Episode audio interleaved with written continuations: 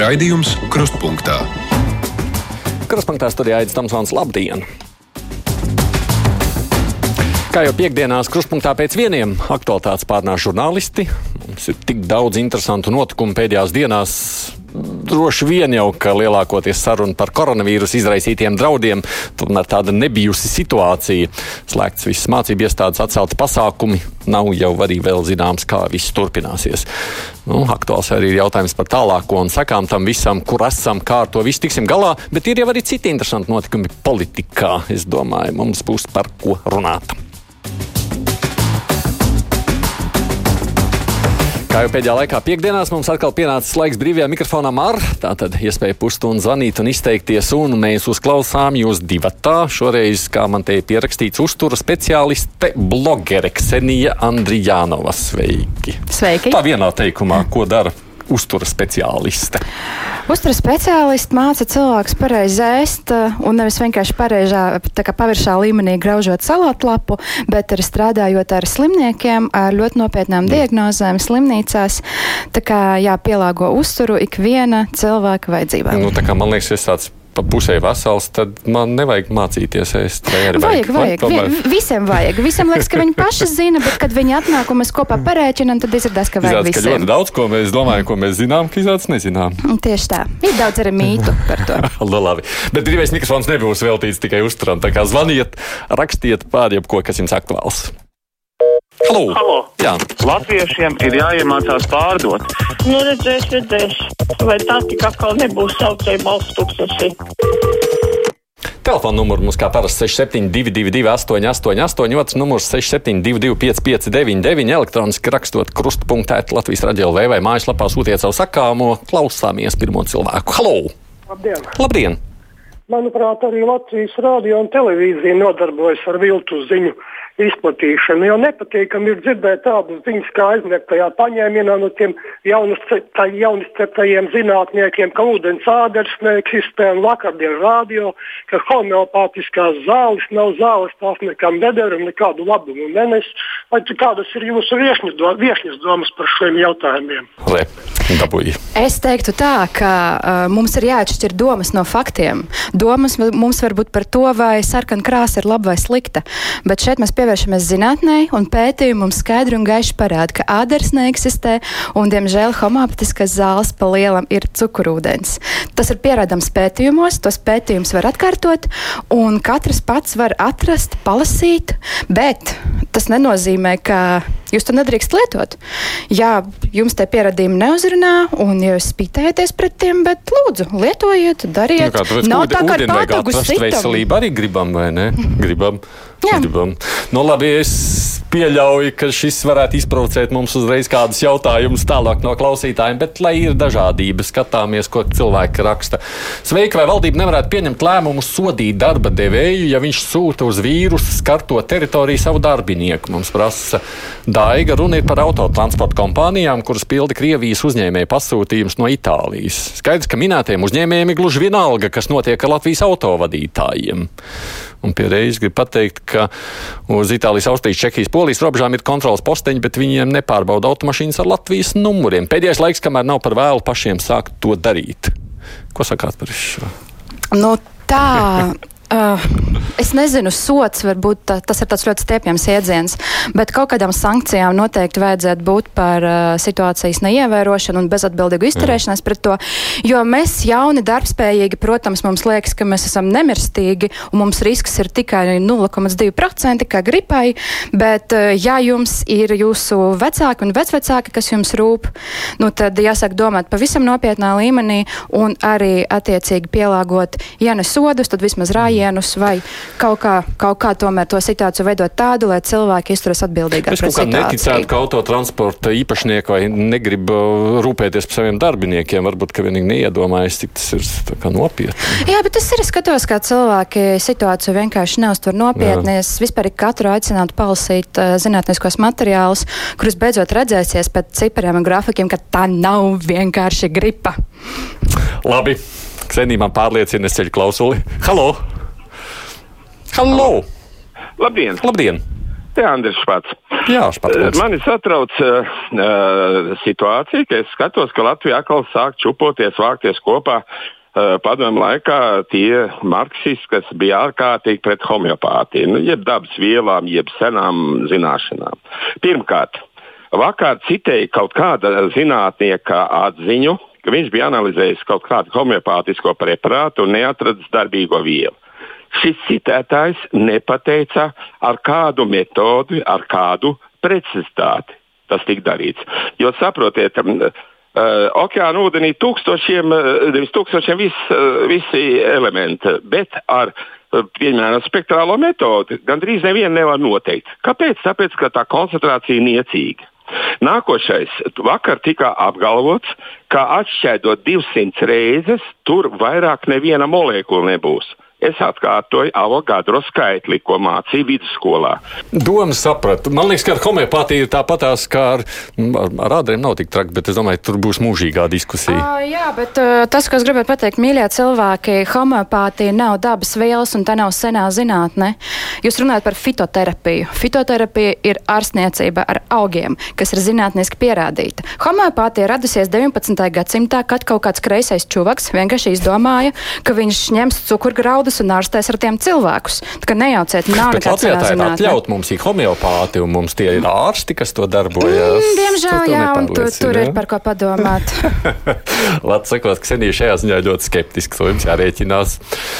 Tā bija par brīvībām. Gunts saka, visas brīvības reiz beidzas. Brīva komentēšana internetā beidzās, brīva naudas kustība reiz beidzās. Nu, tagad brīvai ceļošanai beigas. Um, nu, ko man pēc tam no jumta noliekt uzreiz ar tik negatīvām domām? Nā. Es gan ceru, ka nav ka pilnīgā beigas brīvai ceļošanai. Nu, šobrīd ir vispār brīvai ceļošanai beigas. Vienmēr ir periodi, kad ir sliktāk, nu vienkārši saņemamies, iekūņojamies, izdzīvojam un tad darām visu tālāk. Un ceļojam atkal uz priekšu. Halo! Labdien! Labdien! Ivars Bauskam. Jā. Man paliek kaut kā drusku skumji par to, ka Kariņš kungs, lai kā viņš būtu, varētu teikt, tāds ideālists un lāga premjeras, bet viņa amerikāniskais naivums, ka mēs varēsim sakarā to koronavīrusu, ka mēs varēsim prasīt atbildību no tiem, cilvēkiem, kuri izplata, ja, kuriem ir apzināts tas vīrus, bet kuri neievēros tās prasības, kuras būtu karantīnā jābūt. Nu, diemžēl mums ir vis, visās nozarēs un visur cilvēki bezatbildīgi. Nu, kā viņi varēs pieķert, ka viņš ir iekāpis autobusā? Ko jūs ieteiktu, ko darīt? Es ieteiktu, tik tiešām likt baigos sodus. Nu, es nezinu, nu, nu, it kā jau saka, ka sodi neatrisina. Nu, bet, ja cilvēks ir bezatbildīgs, nu, ja viņi soda ar, tā, teiksim, ar, ar, ar naudas sodu lielu, Nu, varbūt viņš, ja kādu nu, nosodīs, ja kādu pieķers, protams, viņš jau pa to laiku var paspēt un izdarīt ļoti daudz ļauna apkārtējiem. Ja? Bet es, es nezinu, nu, viņš, nu, nu viņš tā tik naivi. Nu, tā man izklausījās, nu, tā nav rīcība. Tur ir kaut kas jāmobilizē vairāk. Ko saka par sādiem? Nu, vispār jau jāsaka, ka šī situācija ir tik unikāla un nebijusi, ka visam ir šausmīgi grūti šobrīd saprast, kā ir pareizi rīkoties. Un ir uh, arī bažas, ka liekot sodus un pārlieku nosodotos cilvēkus, mēs uh, liksim viņam slēpt informāciju. Viņi nemaz neteiks, ka viņi slimo, viņi nemaz neteiks, ka viņi beigās kartēs teritorijās. Ko es daru? Ko es vienkārši daru ar saviem draugiem? Es viņam stāstu piemērus, kas var notiekt ar jūsu līdzcilvēkiem. Pieņemsim, mums ir jauna sieviete ar ķimioterapiju, mums ir bērns ar. Uh, donoru nieri, un mums ir jūsu mīļā omīte ar pazeminātu imunitāti. Un tā es cenšos uzrunāt viņus ar personīgiem piemēriem, tā lai tomēr viņi aizdomājas par to, ko viņi dara. Bet vispār jāsaka, ka mm, šis vīrus ir tāda, ka testa versija man liekas kaut kam nopietnākam. Pēc tam mēs izdarīsim secinājumus mm -hmm. un ceram, ka nākamreiz, ja kaut kas tāds būs, mēs jau būsim pilnīgi gatavi un zināsim, ko darīt. Man, man tā liekas, ka tāda, nu, tāda, tāda apjausma, ka varbūt tomēr ir nopietnāka nekā sākumā šķita. Viņa nāk tā pamazām. Nu, tagad pēc tās vakardienas paziņojuma laikam lielāka nekā. Uh, jā, bet es arī redzu, ka cilvēki sarosās un tas ir forši, ka viņi beidzot sāk aptvert to situācijas nopietnību. Mm -hmm.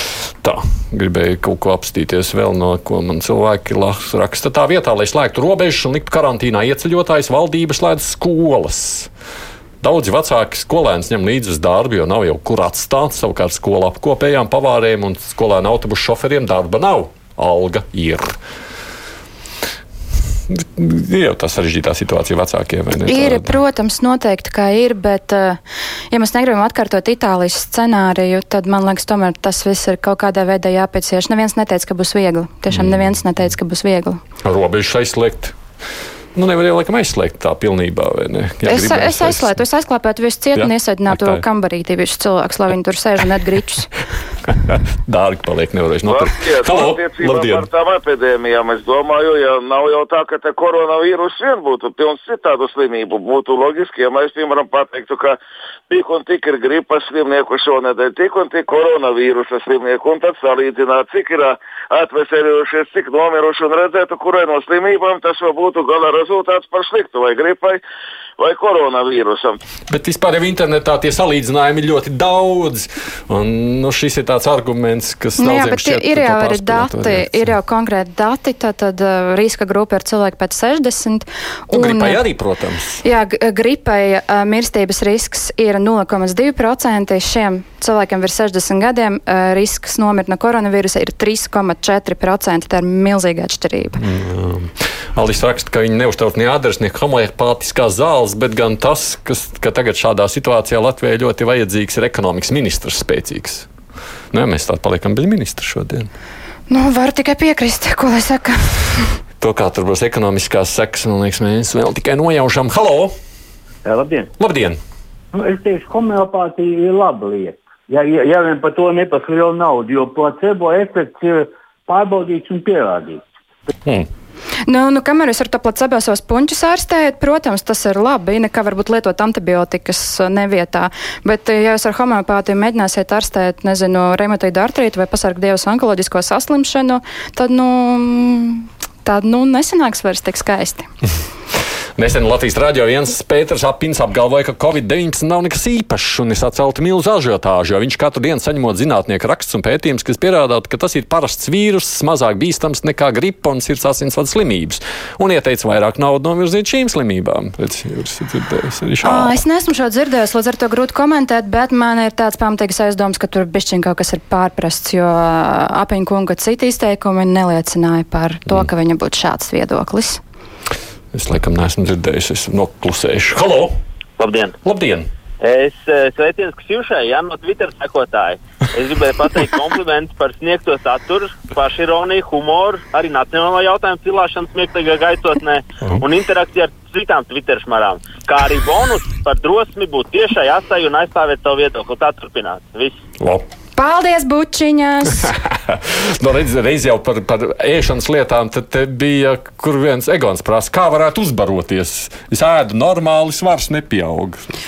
Um, ļoti vienkārši un ļoti sarežģīti vienlaicīgi. Jēd vairāk, bet. Uh, tu negribi uzbaroties ar taukiem. Tāpēc nevar nākt uz McDonald's, ēst desmit cheeseburgerus vienā piegājienā un cerēt, ka tu pieņemsi svarā, jo tu gribi uzņemt muskuļus, nevis taukus. Līdz ar to ēst uz vairāk kalorijām nekā pienāktos, plus iet uz trenižera zāli un audzēt muskuļu masu, jo tas ir tas veselīgais svars. Jā, varbūt kāds grib taukus tomēr. Uh, nevajag, nevajag nevienam taukus. Nevajag, ja? Un vispār cilvēki, kāpēc jūs gribat uzbaroties? Jā, jums ir laba veselība, jā, jums ir laba locītava veselība, un tas svars tomēr jums neliek justies slikti, nu, paspēsiet uz vēl dzīves laiku uzbaroties, varbūt nevajag tagad. Tālūk, halo! Labdien! Labdien. Man tādi divi izsakamie. Ir tāds medicīnas termins placebo, un tā ir pašsugestija attiecībā uz homeopātiju un ādarēm. Fiziski viņa nepalīdz, bet ja cilvēks uz vāju nervu sistēmu sev ir iedves slimību, garīgu, nu tas var būt. Nu, labi, par puņķiem jūs jau teicāt. Nē, nu jā, bet kāpēc jūs gribat maksāt par placebo efektu? Tad labāk aizbrauciet ceļojumā, ne tagad. Oh. Bet labāk to naudu iztērējiet uh, citām lietām. Bet, bet tad, ja tu zini, ka tas ir par velti, tad placebo efekts neiestājas. Viņš A, nu, iestājas tikai. Tā arī tad... var būt, jā, jo, jo vairāk tu samaksā, tad versija tāda summa ir atstāta, tad nu, noteikti izārstēsies. Labi, es neizsakos par placebo, nē, par homeopātiju. Es negribu būt gudrāks par citiem. Kāpēc jūs piekdienās aicināt tikai tā saucamos liberāļus? Normons, uh, čau, Normund, paldies par tā saucamos, jo es esmu centrists, es neesmu liberālis. Tā kā uzdot šo jautājumu kādam citam. A, kas ir liberālis?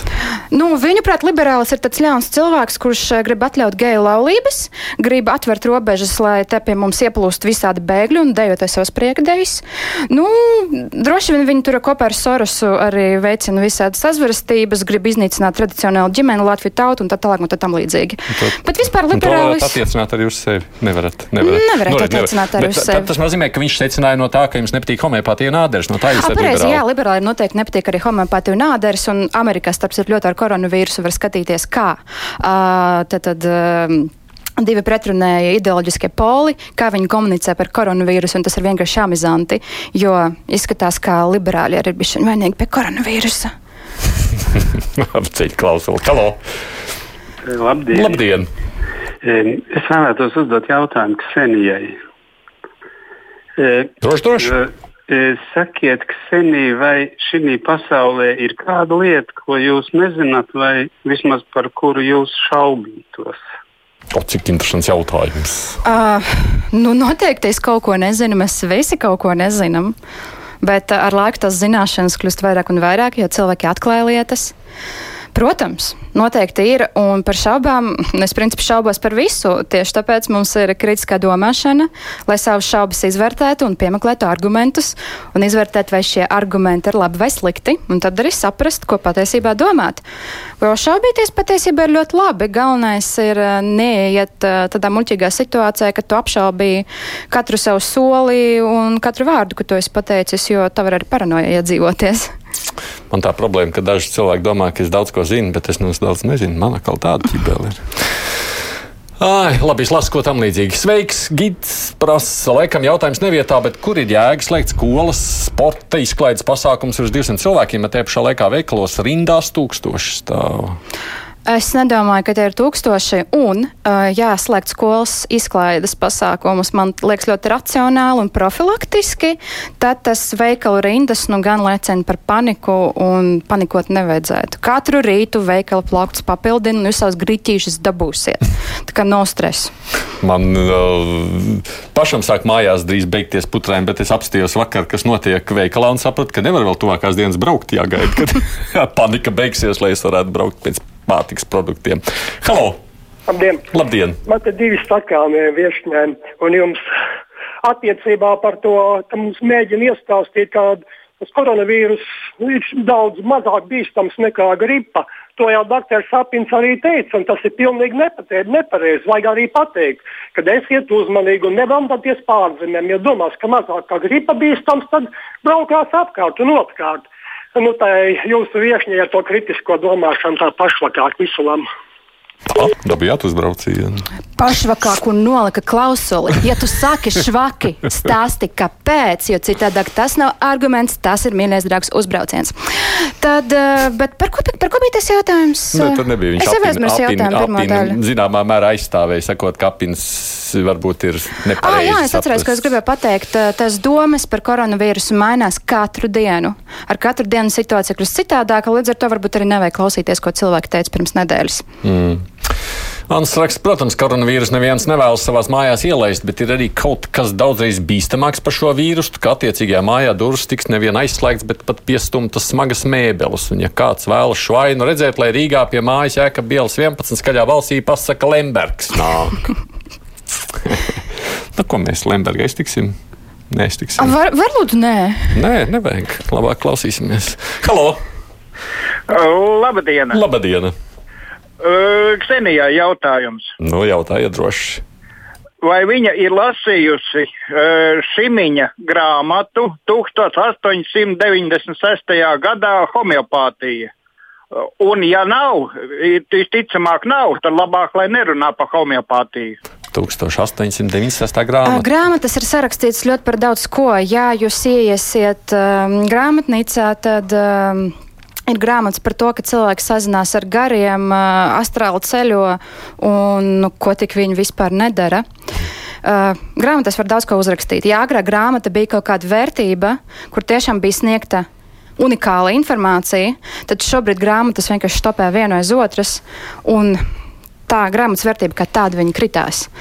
Mums ir pētījumi, lasiet pētījumus, bet atkal Mīļie cilvēki, neviens jums negrib atņemt jūsu homeopātiju. Lūdzu, lietojiet kaut vai no rīta līdz vakaram. Vienkārši saprotiet, ka tam arī ir kaut kāds cits viedoklis, un šis viedoklis attiecībā no jūsējā ir pamatots. Nu, ja jūs sakat tā, šodien gan jums apģērbīgi vieši ne tikai rasu prātu, bet arī rasu mēli. Pateicos. Jā, bet ir rasu mēli. Nu, arī Ksenija Superčika, viņu vajag par veselības ministru iecelt. Jāsaka, nu, mums jau veselības ministriem jā, visādas izglītības. Ziniet, ne šajā laikā, varbūt, varbūt pišķiņu vēlāk. Kaut politikā, vai ne? Halo! Jā, labdien! Labdien! Tik neinteresants brīvais mikrofons. Mazliet par politiku vajadzētu parunāt. Drīz domas vēlēšanas. Un šodien es dzirdēju Jūra Jarušu, ko es ļoti cienu to reklāmu tik ne, jocīga.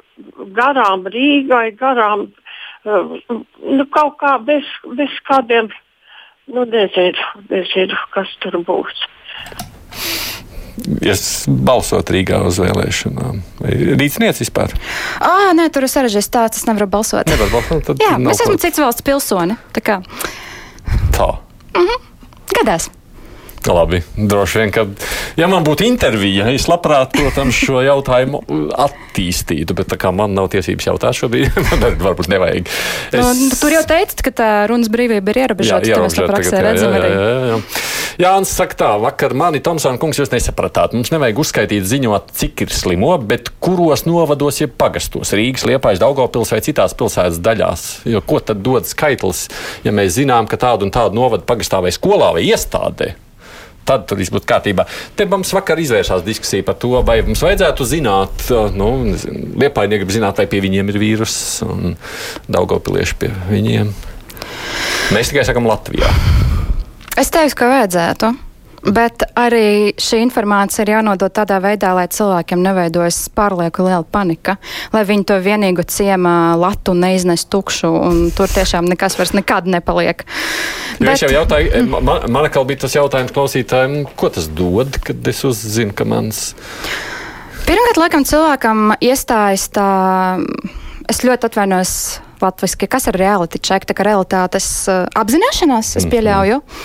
Un viņš saprot, ka tas ir te, tas ir tepat un vajag rīkoties. Iespējams, tas būtu labi, bet grūti pateikt, jo es domāju, oi, cik par to darbu būs pēc tam komunikācijas zinātnē un medicīnā uzrakstīts. Tikai tad vēlāk, skatoties uz situāciju, mēs zināsim, kas tad bija jādara un kā bija jākomunicē. Pagaidām mēs visi esam vienā laivā, kas šūpojas, šūpojas, šūpojas un neviens neko nesaprot. Mm. Ceļam klausuli, hello! Labdien! Labdien. Gribu pateikt paldies jaukai meitenei par, par uh, labo un jauko gaišo saulainu uzturu pret dzīvi. Un paldies, ka viņa pasaka, kas ir, uh, ka balts ir balts un melns ir melns. Un paldies par homeopātiju. Nu, var jau arī palasīt, un es kungs teicu par grāmatu izdotot, var jau palasīt arī Felsera rokas grāmatu 1958. gadā izdotot. Tur arī ir labas lietas jaunas, kur izmantot mūsdienu medicīnu. Tā kā paldies, Ksenijai. Tiešām paldies. Saņēmāt to slavu. Man Prauliņkungs raksta prieks par jauniem racionāliem cilvēkiem. Es arī dievam neticu. Nu, es par Dievu gan neesmu neko pajautājis, vēl, bet nu, lai tā būtu. Un vēl par optimismu devu arī redzēt, te paldies, saka, halo! Jū! Labdien! Labdien! Man paliek tāds jautājums, drīzāk tas ir Maizīs Nav nu, šeit viņa, jā, diemžēl. Jā, varētu viņu uzaicināt kādiem. Jo kas ir par šī rīta paziņojumu par nemīļo to anulēšanu pielaidi. Jo, kad uh, sāk ķerties kā klāt, tad tūlītās atņem pielaidi. Nu jā, tas ir vēl viens temats, par ko mēs noteikti ar žurnālistiem runāsim par OIK un ekonomikas ministru gribas izteikties. Mm. Šobrīd, laikam, nē. Un, vēl, jā, tur bija mazliet zināšana pietrūkst, bet es domāju, ka mēs kolēģiem noteikti šo jautājumu pārunāsim. Redziet, Rutmaņa kungs, Rasbet, vai jūs esat lasījis grāmatu Brīnumainais ūdens visā ārsts izdota 1745. gadā Budapeštā? Mēs kāpjamies jau. Jā, jā, jā. À, man jums ir pretjautājums. Kāpēc jūs lasat grāmatas par medicīnu, kas ir tieši tik vecas? Viss attīstās faktiski ar katru jā. dienu. Mēs esam apgāzuši ļoti daudz lietas, ko mēs darījām agrāk. Piemēram, vai kāds tagad praktizē asins nolaišanu? Nepraktizē. Vai kāds tagad praktizē pasargdievas lobotomiju? Nepraktizē. Un vai tiešām, lai aizstāvētu lobotomiju, jūs izraksiet kaut kādu vecu grāmatu un teiksiet, ka cilvēkiem reāli ir jādur naglas smadzenēs? Nu, tomēr esam moderni cilvēki, lasam modernu literatūru. Halo! Labdien! Labdien. Nu, tagad notiek tas lieldienu laiks. Aprīlī būs visas trīs lieldienas visām tautām, bet vai jums neliekas, vai ciemiņam sevišķi, ka paies lieldienas, paies aprīlis un beigsies ar šausmu ar to vīrusu? Paldies! Jā, bet lieldienas vēl jāsagaida. Jā, un es, protams, ļoti gribētu zināt, kad beigsies šausmas ar to vīrusu, jo, hei, man arī gaida ceļojums uz karto teritoriju. Bet šo jautājumu neviens pašlaik nevar atbildēt. Mm, tāds gan taisnība. Tikko bija runa par risku.